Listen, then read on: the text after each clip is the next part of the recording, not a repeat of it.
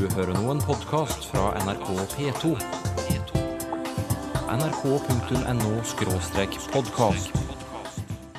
Jeg vet ikke, men jeg tror det gjør seg at det går bra. i Nei,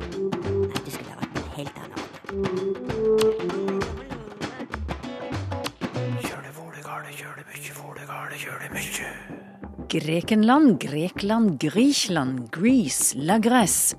Hvorfor er vi de eneste i Europa som sier Hellas? Det har sammenheng med den norske språkstriden, da. For eh, det er da sånn at eh, Grekenland, det lukter tysk og dansk lang vei. Først og fremst tysk. Hva skal vi kalle ungdommelige besteforeldre? Det er jo også mange, særlig kvinner, som syns at uff, nei, hun ble så gammel og blir bestemor. Bestemor vil jeg ikke være. Kall meg for Mimmi eller Pippi eller Eller hva med å lære noen nye kraftuttrykk? På dialekt. Hun lopper med, hun snuter med. Og du kan òg si hund òg, eller hund også.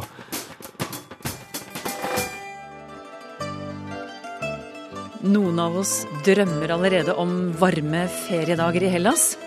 Eller hvorfor ikke i Grekenland? På Facebook spør Lina Merit Jacobsen hvorfor er vi de eneste i Norden som sier Hellas, ikke Grekenland eller Grekland? Ja, vi er ikke bare alene i Norden om å si Hellas. Bortsett fra grekerne selv er vi alene i Europa, ifølge språkprofessor Arne Torp ved Universitetet i Oslo. Hvorfor er det slik, Arne Torp? Ja, du kan så si. Eh, Det har jeg òg lurt på. Jeg fikk en henvendelse fra den greske ambassaden en gang om dette her, og så ble jeg nysgjerrig på det, og så har jeg faktisk skrevet en hel artikkel om dette her. Og hva er historien?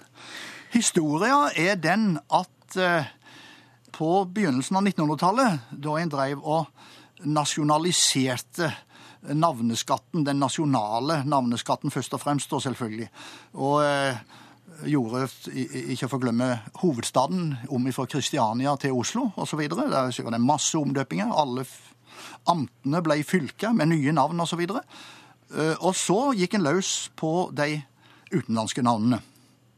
Og da kom Grekenland i søkelyset. Ja, hvorfor det? Hvorfor ville vi ikke si Grekenland lenger, slik vi jo gjorde den gangen? Ja, det, det er helt klart at det var den vanlige form av Grekenland. Eh, Det var, har sammenheng med den norske språkstriden, da.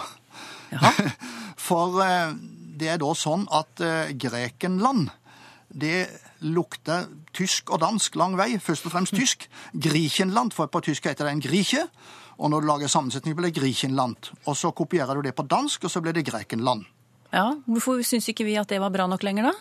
Eh, fordi at vi har to offisielle målformer her i landet, og på dansk, eh, eller på norsk-dansk, eller så var jo ikke den forma helt nordisk heller, men eh, la gå. Eh, Den er dansk, men den gikk ikke på nynorsk, altså. Nei. Så nynorsken har aldri likt den der forma Grekenland. Hva er problemet? Problemet er at du har greken, som ikke er nordisk i det hele tatt, men rett og slett tysk i opphavet. Hva fant man da ut at man skulle gjøre? Ja, eh, det som da kom til å bli eh, sluttresultatet, eh, og det var en komité som vedtok dette her i 1932, det var å gjøre hugge gjennom den gordiske knuten, så å si, og verken ha Grekland eller Grekenland, eller Grekerland, men rett og slett å ta den gammelgreske forma Hellas. Hva slags prinsipp eh, bygget det på? At man skulle ta grekernes egen form? Ja, det er jo da det samme prinsippet som gjorde at de døpte om Venedig og Prag og Lettland til Venezia og Praha og Latvia, for å nevne noen eh, byer og land i Europa. Det er altså å bruke den navneforma som er den eh, lokale forma. Det er et såkalt endonym, i motsetning til et eksonym. En gikk jo ikke eh, hele veien på det der, da. Gikk ikke over til å kalle Tyskland for Deutschland osv. Mm. Det er for innarbeid. Altså Bare for å oppklare det, eksonym det er det andre land kaller en nasjon. Ja. Mens et endonym er det nasjonen selv kaller Ja. seg. Ja. Eh, Så prinsippet var altså at grekernes eget navn på landet sitt, det skulle brukes i norsk. Men, Mhm. men grekerne sier jo ikke Hellas, de sier Ellada. Ja, Så, så hvorfor Ja. ble Hellas den norske Ja. formen da? Ja, det kan du si. Altså, Elada er totalt ukjent her i landet. Men det er den moderne greske såkalte dimotiki-formen, da. Men så har de da en slags språkstrid som kan minne litt svakt om den norske, da. Med et sånn derre eh, rekonstruert halvgammelgresk språk som de kaller for katarivosa, det rene språket. Og det syns nok alle grekere antagelig er veldig flott, da. Eh, Så Hellas, den gammelgreske navneforma, som da er jo på dette her eh, rekonstruerte halvgammelgreske språket, det, det ble brukt på frimerker, f.eks., med eh, latinske bokstaver. Det står aldri Elada med latinske bokstaver, det står Hellas på frimerkene. Så det ville ligne litt på å kalle Norge for eh, Noreg, eller kanskje enda mer realistisk Noreger.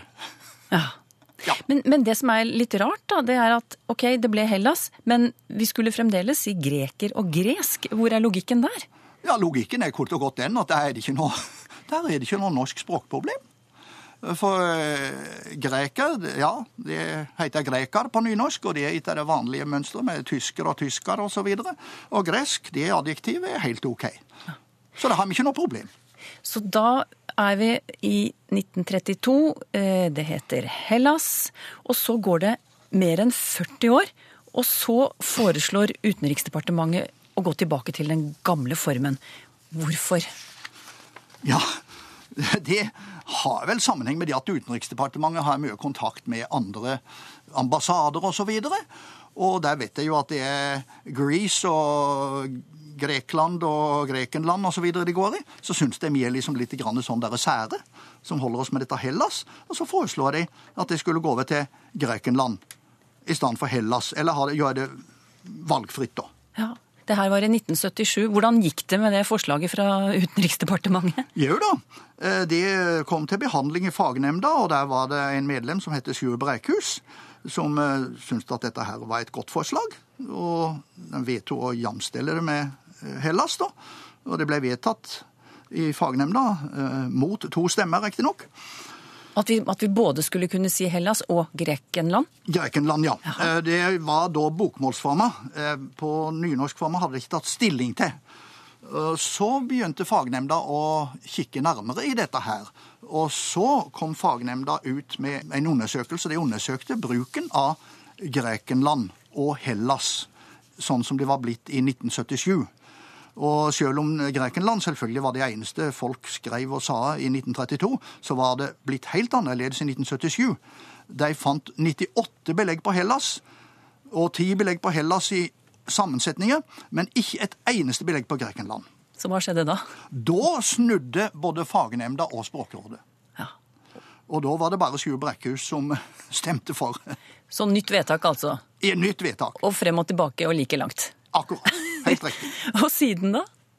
Ja, Seinere har det ikke skjedd noe som helst. Det er Hellas som er den eneste uh, lovlige norske forma på det landet der. Og jeg syns dette er det mest vellykka samnorske vedtaket som noen gang er gjort. Og derfor har jeg skrevet en lengre artikkel der dere kan lese mer om dette her i Årbok for Landslaget for språklig samling i år. Da vet vi det. Neste gang noen spør oss hvorfor vi nordmenn er så sære og annerledes at vi sier Hellas, da kan vi faktisk fortelle en hel historie om det. Takk til Arne Torp, pensjonert språkprofessor. Når du snakker om foreldrene til moren og faren din, hva kaller du dem? Farmor og farfar, mormor. Best med bestefar. Jeg kaller dem morfar og mormor. Og farmor og farfar, ja. Jeg kaller dem for besta og besten. Eh, mamma sine foreldre kalte vi mormor og morfar, mens eh, pappa sine foreldre kalte vi bestemor og bestefar. Bestemor og bestefar, ja. Stadig færre av oss bruker disse to betegnelsene, viser det seg. Det har språkforsker Ruth Vattet Fjell ved Universitetet i Oslo kommet fram til, ved hjelp av den store dialektsamlingen Nordisk dialektkorpus. Eh, Hvordan omtaler vi besteforeldrene våre, Ruth Vatvedt Fjell? Ja, de fleste sier fortsatt bestemor og bestefar, som du sa i introen. Men det viser seg, når jeg går inn i dette dialektmaterialet, at det blir stadig flere som bruker mormor og farmor, eller morfar og farfar, om sine besteforeldre. Og det er jo kanskje ikke så veldig rart. Fordi eh, nå er det stadig flere som har fire besteforeldre i livet, og da er det jo praktisk å ha forskjellig betegnelse på dem. Men det er helt tydelige tall som peker i den retningen, altså. Og det er de yngre som eh, bruker eh, mormor og morfar, farmor og farfar. Er det noen geografiske forskjeller her, da? Ja, Vi ser et lite mønster at bestemor og bestefar det holder seg veldig godt på Østlandet. Og det holder seg relativt godt i Nord-Norge. Men eh, det blir mer og mer farmor og farfar og mormor og morfar, særlig på Vestlandet. Hvorfor det? Nei, det kan jeg dessverre ikke hjelpe deg med. Jeg vet ikke om folk lever lenger på Vestlandet. Trøndelag også har vi en eh, stor utbredelse av disse formene. Mm. Ellers så ser jeg også en del eksempler i materialet på at man på Østlandet kaller dem for mor og far. At de kaller besteforeldrene for mor og far? Ja, og det er det flere som har sagt til meg også når jeg har intervjua dem. Og det er kanskje også en sånn nærhet mellom besteforeldre og barnebarn som vi har i dag, som er nok uh, tydeligere, eller nærheten er nok større i dag enn i gamle dager for mange. Fordi besteforeldre stiller jo opp for eh, barnebarna på en annen måte. De hadde jo ikke tid til det da de som i dag er gamle, var unge. Mm. Da måtte også besteforeldrene jobbe hvis de i det hele tatt levde. Hvilke andre navn på besteforeldre finner du da?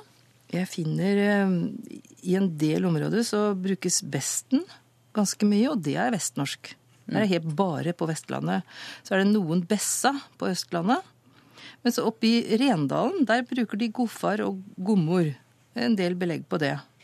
Hvem i familien er det som bestemmer hva besteforeldrene skal kalles? Ja, det er nok eh, i første runde, altså ved det første barnet, så blir det jo antageligvis foreldrene som sier det til det første barnet. Og så vil jo de andre barna i barneflokken, går jeg ut ifra, følge opp hva den eldste i flokken sier hvis det er flere barn. Så, så der er det nok eh, helt klart at det er en bevisst planlagt holdning. Og det tror jeg mange unge diskuterer dette her seg imellom, det har jeg også forstått. Skal barna våre kalle besteforeldrene, for den saks skyld foreldrene til foreldrene, det og det. At de er enige om hva det skal være for noe. Og, og det kan også faktisk medføre litt uenighet, nettopp fordi at man har forskjellige tradisjoner. Hvis man gifter seg, hvis en fra Nord-Norge gifter seg med en fra Vestlandet, så kan de jo få litt problemer med hva, hva eldre generasjoner skal kalles. Men personlig har jeg et, en erfaring med at jeg, mitt eldste barnebarn som bor i utlandet, klarte ikke å si mormor. Og han kalte meg for Bobo. For det var en forenkla form av mormor. Og det gjør også de andre, barn, de andre barnebarnet i den familien. Mens i min sønns familie så er jeg selvsagt farmor. Og det, de kunne ikke tenke seg og synes det er merkelig at jeg skal hete noe annet enn farmor. Men hvis besteforeldrene får bestemme selv, da, hva vil de helst bli kalt? ja, Det er jo litt forskjellig, og noen syns det er kjempekoselig å bli kalt for beste et eller annet. Men det er jo også mange, særlig kvinner, som syns at uff, nei, nå ble jeg så gammel, blir jeg bestemor. Kall meg for Mimmi eller Pippi eller ja, hva det skal være for noe. Så det er veldig mange som ønsker å ha en annen betegnelse enn den som markerer rolle i forhold til barnet. Fordi vi lever jo i en sånn veldig utbredt ungdomskultur, da. Og da er det jo ikke noe moro hvis du føler deg ung og oppegående og kler deg i ungdomsklær og ja, ikke sant, lever i denne ungdomskulturen, som mange besteforeldre gjør i dag, så syns de kanskje at nei, bestemor vil jeg ikke være. Og så da blir det mange sånne variantformer, altså kosenavn på andre måter, som ungene kan ha brukt på dem. Men jeg, men jeg vet om noen familier der barnebarna omtaler besteforeldrene med fornavn. Hva synes du om en sånn praksis? Nei, Personlig så syns jeg ikke det er så veldig bra, fordi at det markerer jo dette som jeg snakka om, med relasjonene mellom barn og, og voksne, når man bruker en slektskapsbetegnelse. Og særlig besteforeldre, som er så viktige for barna. Så tror jeg det er trygt og godt for dem å vite at de er noe annet enn hvilke som helst andre naboer eller venner av familien. Så jeg syns det er litt synd. Og, og jeg har jo studert en del slektskapsterminologi internasjonalt, og der er jo slektskapstermene så viktige, og det er så fryktelig uhøflig å ikke markere dette er en person jeg har respekt for, dette er en person som er eldre enn meg, dette er en person som har ansvaret for meg, dette er fra mors familie, dette er fra fars familie, osv. Det er mange semantiske trekk som skal godt gjøres greie for når du velger betegnelsen på dine foresatte, vil jeg si, eller for folk i familien din. Så når vi velger å bruke bare navn, da syns jeg vi da blir det faktisk nyanser som blir borte. Så mange snakker om det språklige forfallet, som jeg ikke er så sikker på. Men akkurat når det gjelder slektskapsterminologi, så vil jeg gjerne slå et slag for at vi holder fast ved den. Men jeg vet du har en historie om en familie der eh, en i en bestefarrolle beholder navnet sitt, men de gjør noe mer ut av det, slik at du allikevel får signalisert det ansvarsforholdet. Eh, hva slags historie er det? Ja, vi har et, Jeg har et vennepar hvor eh, de er samboere, og de, hun, min venninne har blitt bestemor. Og hun bor sammen med en fyr som heter Carl. Han fungerer jo som en slags bestefar, men dette barnet har sin kjødelige bestefar i live, så det vil bli helt feil å kalle at han samboeren til min venninne skulle bli kalt for bestefar. Men da har de valgt å kalle ham for Beste-Carl. Og det syns jeg er en eh, veldig hyggelig måte å løse et eh, teknisk problem på i moderne barnefamilier. Fordi da får man jo sagt at dette er ikke en hvilken som helst person for dette barnet, men det er en som er der til beste for barnet, som ordet betyr. Og som markerer at her er det et ansvar og et autoritetsforhold mellom Carl og barnet.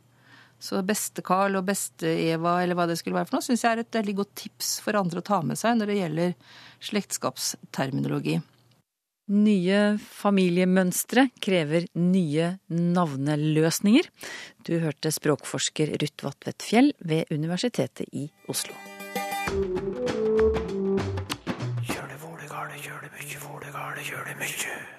Nå er det lenge siden du har vært her og svart på lytternes dialektspørsmål, Tor Erik Gjenstad. Vi får bare kaste oss over bunken. Og første brev kommer fra en som ja, han kaller seg bare Henrik. Han sender oss et ord han mener har forsvunnet et sted i skogene rundt Telemark. Brådikting. Vakkert, effektivt og meget malende, avslutter Henrik. Ja, eh, det er det jo. Jeg måtte jo se litt på eh, hva vi har på det ordet her. Og det kan nok knyttes til Telemark. Jeg er litt usikker på hvor genuint målførergrunnlag det har. For det vi har det egentlig bare ifra én person, og det er folkeminnegranskeren Rikard Berge. Som jo var telemarking. Og han, slik som han bruker det, så ser det ut for at det, det går på improvisasjon. Han skriver jo annet om den kjente spellemannen Myllargutten. Og der skriver han slik som det her at ingen hev brådikta på fela som Myllaren. Og på bakgrunn av det så har det jo kommet inn i det her verket Norsk ordbok som jeg jobba på. Det står i bind 1 der, og der er det definert som dikta på stående fot. Men det går på improvisasjon, og det ser særlig ut til at det, det er spill på fele. Skriver en annen plass om, nettopp om denne Myllargutten, at mesteparten av denne brådiktinga glemte han så fort hun kom. Så han, var, han improviserte der og da, når han sto og spilte. Og jeg vet jo det at Rikard Berge han var i stand til å lage ord sjøl, og det her kan godt være et ord som han faktisk har laga. Så det er ikke noe direkte målførerbelegg, men det er jo ganske godt, altså. Ja, Er det i bruk i, i dag? Nei, det tviler jeg på, for det materialet som oss har, det, det er knytta til bøkene til Rikard Berge, faktisk. Mm. Men absolutt et ord som det går an å, å plukke opp og, og, begynne å bruke igjen? Ja, det vil jeg si. Anne Sissel Næss er født i Sogn, og hun sier at der har hun hele tiden hørt at det heter å ikke være rett navla. Meningen er at du ikke er helt god, som hun skriver. Men nå har hun flyttet til Trøndelag, og her hører hun at de sier å ikke være rett nagla.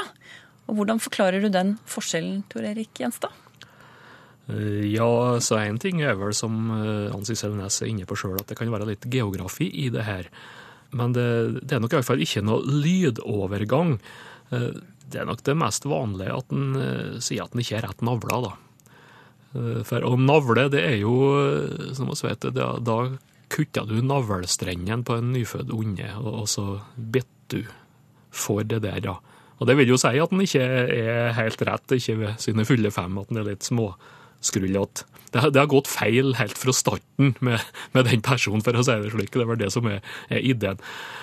Når det er nagle, og rett nagla, så tror jeg det må være en slags spøkefull omtolkning Og nagle, det er jo å, å feste med nagler. Og det kan være noen assosiasjoner. Sier jo òg om folk som ikke er helt gode, at de har en skrue løs. Så den assosiasjonen er jo eh, rimelig grei, den. Men det er nok eh, sannsynligvis et geografi i det her. Mens jeg er i gang, sier Anne Sissel Næss, så er det noe mer hun har lyst til å spørre om. Hun sier i Sogn sier vi 'hun ragger meg', nærmest som et banneord. Hvor kommer dette fra, og hva betyr det? Ja, eh, det er jo som å si et eh, banneord, da. Og eh, hunden her, det er jo hunden, rett og slett. Og det finnes jo i sånne kraftuttrykk. Og det betyr jo da nærmest fanden. Men det er nok litt forholdsvis mildt, det her, da. Du har mange verb som kan brukes her. Her er det jo rugge, da, eller å rugge. Å lea på noen. altså Du, du rugger deg jo i en gyngestol, f.eks., så det er jo greit. Men det kan jo hete f.eks. hunden lopper med. Og Der jeg kommer ifra, så var det en gammel original som har et uh, fast kraftuttrykk 'hun snuter med'. Og du kan òg si 'hund nå', eller 'hund også'. Og det kan være da omforming uh, av et annet, et kraftigere ord som begynner på H, altså helvete kan det være. Og så er det jo at i en del sagn så møter du jo fanden, altså den vonde, i skikkelse av en hund. Så det er nok noen forestillinger her som ligger under. Greta Hjertø i Trondheim forteller min gamle far, født 1910, sa alltid at han måtte rafsnas med seg når han sto opp fra middagshvilen. Vi barn trodde dette var et helt vanlig ord for å våkne ordentlig etter en bedøvende middagshvil, men ingen andre enn den nære familie later til å bruke dette ordet eller ha hørt om det. Vi er trøndere, skriver hun. Er dette et trøndersk uttrykk? Ja, svaret på det er absolutt ja. Rafsnas, eller Rafnas, det finnes mange plasser i Trøndelag. Det er belagt eh, fra hele den landsdelen, og også eh, over på Nordmøre. Men eh, det er òg en annen variant her, uttalevariant, som nok er mer opprinnelig, og det er å raknas, eller raknast. Raknas med seg. Da er det liksom at en kommer til seg sjøl, kommer til hektene igjen etter å ha hvilt eller å, å sove. Eh, og det er nok eh, Raknas det er nok laga til rak, sånn at du da strekker det ut etter å ha ligget og hvilt. Så raknas det er bokstavelig talt å gjøre seg sjøl rak. Eller bein strak. Og så er det da en lydovergang eh, som gjør at raknas da blir til rafnas eller rafsnas, som du ser av og til i eh, trønderdialekter. Hei, Språkteigen, skriver Oddgeir Johansen. Da jeg var yngre, hørte jeg litt eldre folk i eh, hjembygda mi Børselv her i Porsanger bruke ordet bolster om en type sengetøy. Jeg husker ikke om det var snakk om dyne eller madrass, men hva sier dere om dette ordet? Ja, ja eh, bolster, ja, det, det er jo dyn. Sengdyn, det. Eh, kanskje særlig under dyna, da, eller madrassen. Det er nok det jeg har vært mest om, og det er et ord som hører hjemme eh, nordafjells, først og fremst. At det går litt nedover på Nordvestlandet, iallfall til og med Romsdalen. Og det fantes i norrønt bolster, det betydde rett og slett uh, dyne. Og ja, det var vel kanskje særlig de der halmmadrassene, halmbolster, er det vel en del som husker på den dag i dag, vil jeg tro. Uh, og så spør jo innsenderen her om det er noe sammenheng med det engelske to bolster, som betyr å styrke. Og det ser det faktisk ut som det er. Altså, det her ordet her, det er fellesgermansk språkarv visstnok. Så det er ikke snakk om lån fra det ene til det andre. Men det engelske 'to bolster' det var visst opprinnelig å støtte opp med dyne eller pute, da. Og så hadde det fått utvida betydninga til å støtte opp i det hele, da, eller å styrke. Inger Vinsnes er fra Oslo, men har vært så heldig å få en svigerinne fra Oppdal, skriver hun. Og gjennom denne svigerinnen så har hun lært mange nye og Spennende ord, synes hun. Hun trekker fram to som hun liker spesielt eh, godt. Kjøndau og kjottau. Hva kan du fortelle om disse ordene, Tor Erik Gjenstad? Ja, det er nok gode oppdalsord, det her. Og kan jo si det helt til å begynne med her, at eh, oppdalsdialekten det er jo en av de norske dialektene som er best dokumentert. Både ordførerrådet og språksystemet eller grammatikken. Det er en stor ordsamling som Ingeborg Donali har laga, som er kommet som ett bind av Bygdaboka for Oppdal. Så der eh, finner du mye rart, og du finner også de her. Og det her først da, Kjøndau, eller Kjøndau, regner jeg med oppdalingene sier, med palatal. Det betyr som eh, Inger Vinsnes sier her, kjernen, kosete, eh, kontaktsjuk. Det kan òg bety eh, masete, innpåsliten, brysom eller trassig og sta. Og det går jo over et ganske vidt område. Mye av Trøndelag og Helgeland.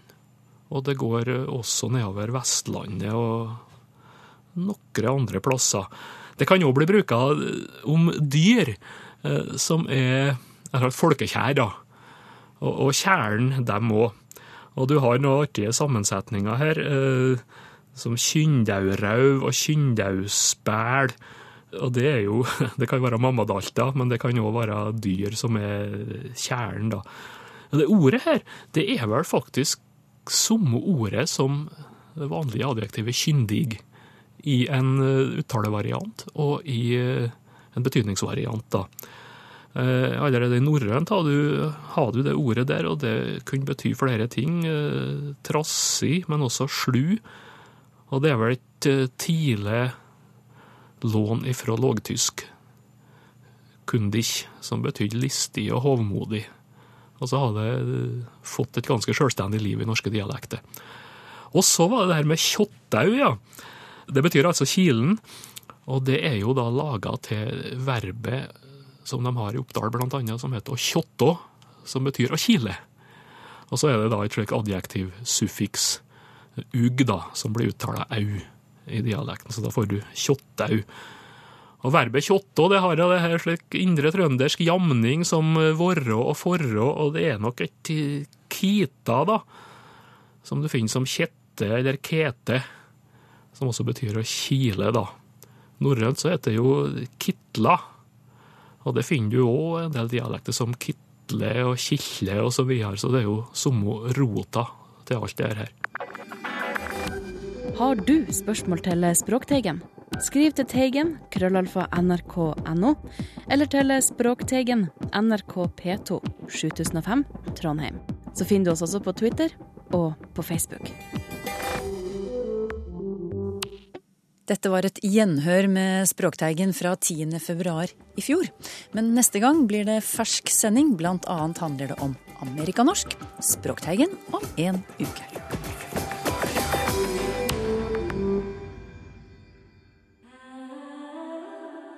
nrk.no podkast.